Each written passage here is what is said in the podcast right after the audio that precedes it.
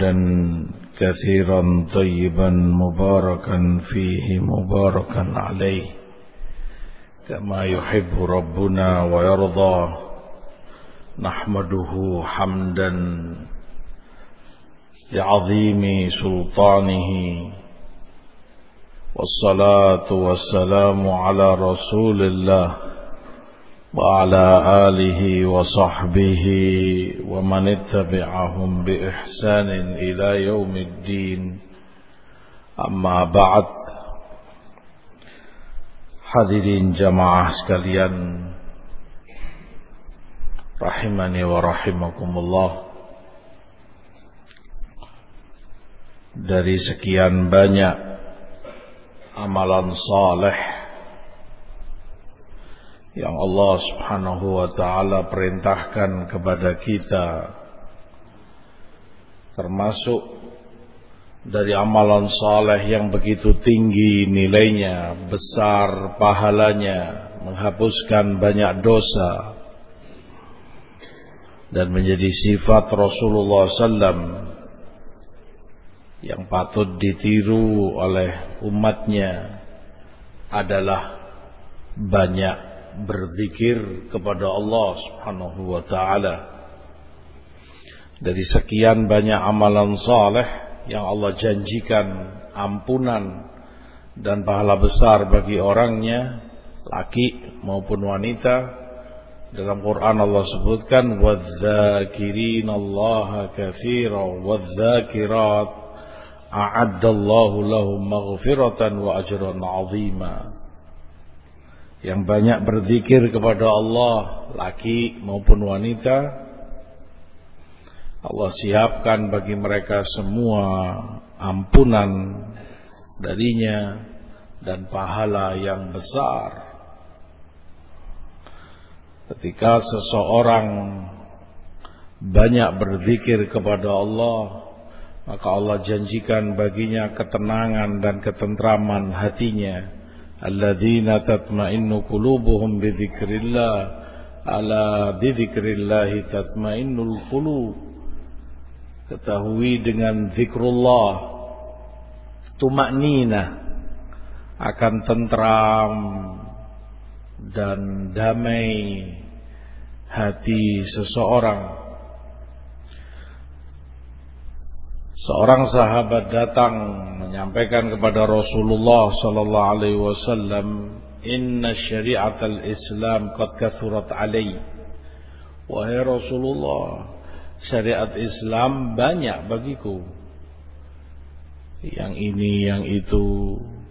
Maka ajarkan padaku sesuatu ringan tapi banyak membawa pahala maka Rasul pun sallallahu alaihi wasallam menyampaikan kepadanya, la yazalu lisanuka ratban bizikrillah. Usahakan selalu lisanmu itu basah dengan zikrullah. Artinya terus dalam keadaan berzikir, banyak berzikir kepada Allah Subhanahu wa taala. Amalan yang ringan tidak memberatkan tapi pahalanya besar di sisi Allah Subhanahu wa taala. Dan sifat Rasulullah sallam Aisyah katakan radhiyallahu anha kana yadhkurullaha fi kulli ahyani. Rasulullah selalu berzikir kepada Allah dalam setiap waktunya, dalam setiap kondisinya. Maka itu pula menjadi panutan, tauladan bagi masing-masing kita, umatnya. Untuk juga selalu berzikir kepada Allah. Banyak berzikir di setiap waktu kita dan setiap kondisi kita. Hadirin jamaah sekalian. Rahimani wa rahimakumullah. Hanya saja dibutuhkan sedikit usaha dari kita untuk berilmu tentang zikir ini karena beda antara orang yang punya ilmu dengan yang tidak berilmu antara orang yang tahu keutamaannya dan dia berharap mendapatinya dengan orang yang hampa dari harapan. Walaupun mungkin dia mengamalkan, tapi hampa nggak tahu keutamaannya apa, apa yang dia harapkan. Sementara amal saleh menuntut kita untuk berharap dari amalan yang kita lakukan. Dan itulah ketakwaan. Ta'mal bi ta'atillah ala nurin minallah tarju thawaballah. Ketika kamu amalkan perintah Allah di atas ilmu dan kamu berharap dengan mengamalkannya pahala di sisi Allah Subhanahu wa taala dan keridhaan Allah. Sebagai contoh amalan ringan, amalan saleh di kala kita berzikir kepada Allah apa yang disebutkan di Sahih Bukhari kalimatan khafifatani fil lisan thaqilatani fil mizan habibatani 'inda rahman subhanallah wa bihamdi subhanallahil azim. Dua kalimat ringan di lisan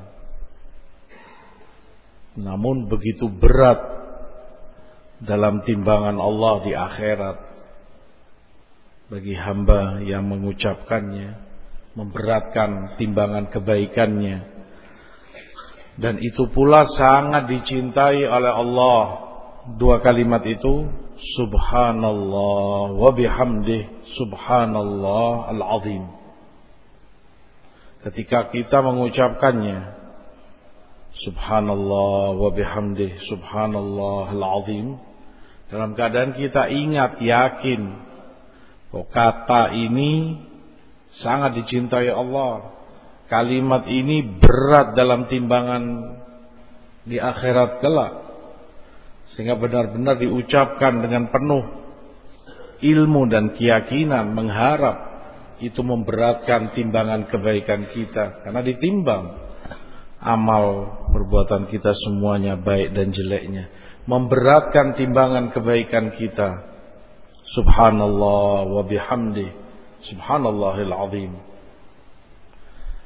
Setelah subuh Setelah asar Rasul pun mengajarkan Seusai sholat Untuk membaca La ilaha illallah Wahdahu la syarikalah Lahul mulku walahul hamdu Yuhi wa yumit Wahuwa ala kulli syai'in qadir Sepuluh kali Enggak berat. La ilaha illallah wahdahu la syarika la lahul mulku wa lahul hamdu yuhyi wa yumitu wa ala kulli syai'in qadir. 10 kali dibaca setiap pada subuh, dibaca setiap pada salat maghrib. 10 kali di waktu subuh, 10 kali di waktu maghrib. Rasulullah sebutkan setiap kali kita mengucapkannya, bukan ke sepuluhnya, tapi satu-satu tiap satu zikir ini La ilaha illallah wahdahu la syarika la lahul mulku wa lahul hamdu yuhyi wa yumitu ala kulli syai'in qadir. Sekali kita mengucapkannya, dengannya tercatat bagi kita sepuluh kebaikan. Sepuluh kali berarti seratus kebaikan. Menambah catatan kebaikan kita di sisi Allah Sekali kita mengucapkannya terhapus dari kita sepuluh kejelekan, sepuluh dosa. Dan masing-masing kita banyak dosanya. Dengan mengucapkan ini sekali terhapus sepuluh kejelekan kita. Dengan mengucapkannya terangkat sepuluh derajat kita. Dengan sekali ucap terangkat sepuluh derajat kita dengan sekali mengucapkannya itu sebagai pelindung bagi kita dari segala yang makruh, segala yang tidak kita senangi, yang kita benci. Apa pun itu yang tidak disenangi manusia, kecelakaan, musibah, penyakit dan lain sebagainya. Segala yang kita tidak senangi, kita terlindungi dengan mengucapkan ini. Sekali mengucap itu pula menjadi pelindung bagi kita dari syaitan dengan berbagai godaan dan tipuannya. Sekali kita mengucap, Rasul katakan tidak halal bagi dosa untuk menghancurkan hamba ini kecuali syirik. Yani dosa apa pun selain syirik tidak akan bisa menghancurkan hamba ini kalau dia ucapkan ini selain syirik. Sekali kita mengucapkan berarti dengan itu pula seorang hamba tidak ada yang lebih afdol dari dia amalannya di hari itu kecuali seorang hamba lain yang mengamalkan seperti yang dia amalkan dan lebih amalannya. Keutamaan berlapis banyak. Hanya dengan kalimat-kalimat yang ringan. Keutamaan kalau kita berilmu mengucapkan itu sambil ingat semua keutamaannya. Dan keutamaan-keutamaan ini disebutkan oleh Rasul untuk kita ketahui. Dan itu yang disebut terhib terhib menambah motivasi kita dalam beribadah. Menambah semangat kita dalam beramal saleh setiap kali sholat mungkin masing-masing kita insya Allah nggak ada yang tidak setelah istighfar kita baca subhanallah 33 kali. Alhamdulillah 33 kali. Allahu Akbar 33 kali. Kemudian dia tutup dengan la ilaha illallah wa la syarika lahul mulku wa lahul hamdu wa ala kulli syai'in qadir. Genap 100 kali. Tiap hari rutinitas kita baca, tiap lima waktu. Permasalahannya beda antara yang hampa sekedar rutinitas begitu dia baca dengan orang yang tahu ini ada keutamaannya. Berilmu. Dan dia berharap mendapat apa yang dijanjikan kepadanya sehingga semangatnya lebih. Rasulullah katakan kalau dia membaca 100 ini subhanallah 33 alhamdulillah 33 Allah 33 kali. Ghufirat lahu dhunubuhu wa in kanat mithla zabadil bahr terampuni dosa-dosa dia walaupun itu seperti buih di lautan menutupi permukaan laut. Buih itu. Sebanyak itu dosa-dosa dia terhapus. Dengan bacaan yang ringan. Subhanallah subhanallah subhanallah subhanallah. Alhamdulillah Allahu akbar. Makanya pula para ulama sebutkan keutamaan yang begitu besar tidak bisa didapati dengan kita amalkan dengan tergesa-gesa dan cepat-cepatan. Jika berzikir, Masya Allah, Tabaraka Rahman seperti dikejar kereta api, cepat. Subhanallah, subhanallah, subhanallah, subhanallah, subhanallah, subhanallah, subhanallah, subhanallah, subhanallah. alhamdulillah, alhamdulillah, alhamdulillah, alhamdulillah, Allah, Allah, Allah, Allah, Allah, Apa yang dia baca? Allah, Allah, Baca dengan tenang. Subhanallah, subhanallah, subhanallah. Kita berzikir memuji Allah. Subhanallah, subhanallah. Alhamdulillah, alhamdulillah. Allahu Akbar, Allahu Akbar. Dan seterusnya. Tenang. Karena keutamaannya besar. Masing-masing kita banyak dosanya. Dan berharap itu diampuni oleh Allah. Ini amalan yang membantu kita terhapusnya dosa kita.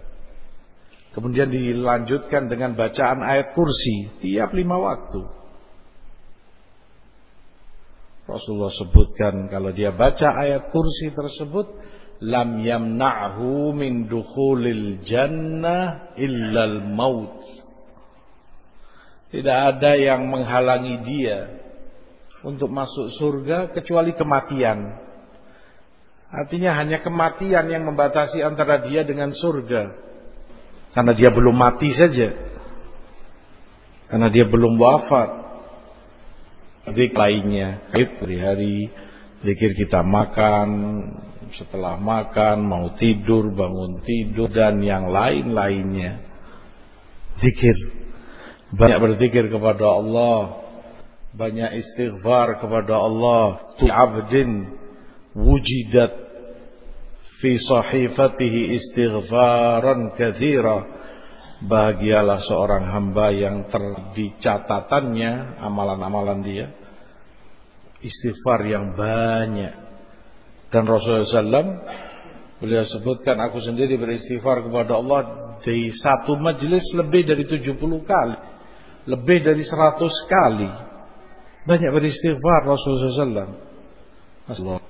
Astagfirullah seperti yang ditanyakan kepada Auza'i beliau imam yang meriwayatkan hadis ini dan perawi yang meriwayatkan tentu jauh lebih paham apa yang dia riwayatkan.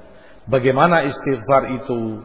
Maka beliau jawab dengan kamu mengucapkan astaghfirullah. Astaghfirullah, astaghfirullah, astaghfirullah, astaghfirullah, astaghfirullah. Nah, diperbanyak bacaan, zikir, wirid semacam ini yang ada di dalam sunnah dengan fadilah dan keutamaan yang telah disampaikan oleh Rasul sallallahu. Suatu ketika Rasul mendengar seseorang beristighfar dia sebutkan dalam istighfarnya Allahumma innaka antallah al-ahadus samad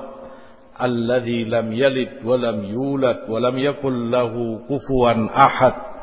Antaghfira li dhunubi innaka antal ghafurur rahim. Ringkas. Mirip-mirip yang awal dengan surat al-ikhlas ahad Allahumma innaka antallah al-ahadus samad alladzi lam yalid wa lam yulad wa lam yakul lahu kufuwan ahad antaghfira li dhunubi innaka antal ghafurur rahim. Setelah al-ikhlas tadi aku memohon kepadamu untuk engkau ampuni dosa-dosaku karena engkau Maha Pengampun, Maha Penyayang. Mendengar itu Rasul katakan qad ghufira lahu qad ghufira lahu qad ghufira lahu Sungguh telah diampuni hamba itu. Sungguh telah diampuni hamba itu. Sungguh telah diampuni hamba itu. Tiga kali Rasul sebutkan. Menunjukkan pasti dan yakin dia telah mendapat ampunan dari Allah dengan bacaan yang ringkas, pendek. Permasalahannya tadi, kita yang tertuntut untuk belajar untuk tahu. Sehingga zikir-zikir mulia ini tidak hanya rutinitas di lisan kita tapi tahu kita apa fadilahnya. Apa yang dijanjikan oleh Rasul SAW dan kita mengharapkan itu ketika membacanya. Nggak benar anggapan sebagian orang kalau kamu ibadah mengharap surga, mengharap pahala berarti kamu nggak ikhlas kepada Allah. Pamrih ada yang kamu harapkan. Justru itu yang diinginkan oleh Allah dari kita, berharap. Kalau tidak, apa gunanya? Di dalam Quran berapa kali Allah cerita tentang surga? Banyak ayat. Surga, bidadari, disebutkan sifat-sifatnya kenikmatan-kenikmatannya, buah-buahannya, sungai yang mengalir, madu, susu, ini, itu, ini, itu. Dan terulang-ulang banyak. Kemudian hadis Rasul tadi yang kita perdengarkan. Keutamaannya terhapus dosanya, terangkat derajatnya, tertambah kebaikannya, tercatat baginya kebaikan ini. Terus ngapain semua ini disebutkan? Sia-sia? Gak ada gunanya? Dan tidak boleh diharapkan oleh hamba Ngapain disebut oleh Allah? Kenapa disebut oleh Rasul SAW?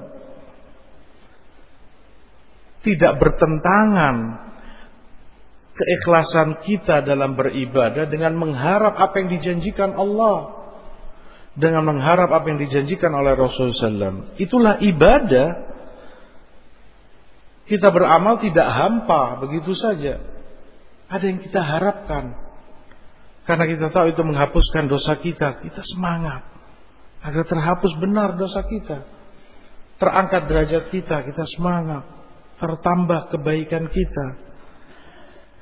Ibadallah hadirin jamaah sekalian rahimakumullah dengan demikian kita introspeksi diri dengan ini untuk lebih bersungguh-sungguh, lebih semangat belajar tahu ilmu sehingga zikir kita, ibadah kita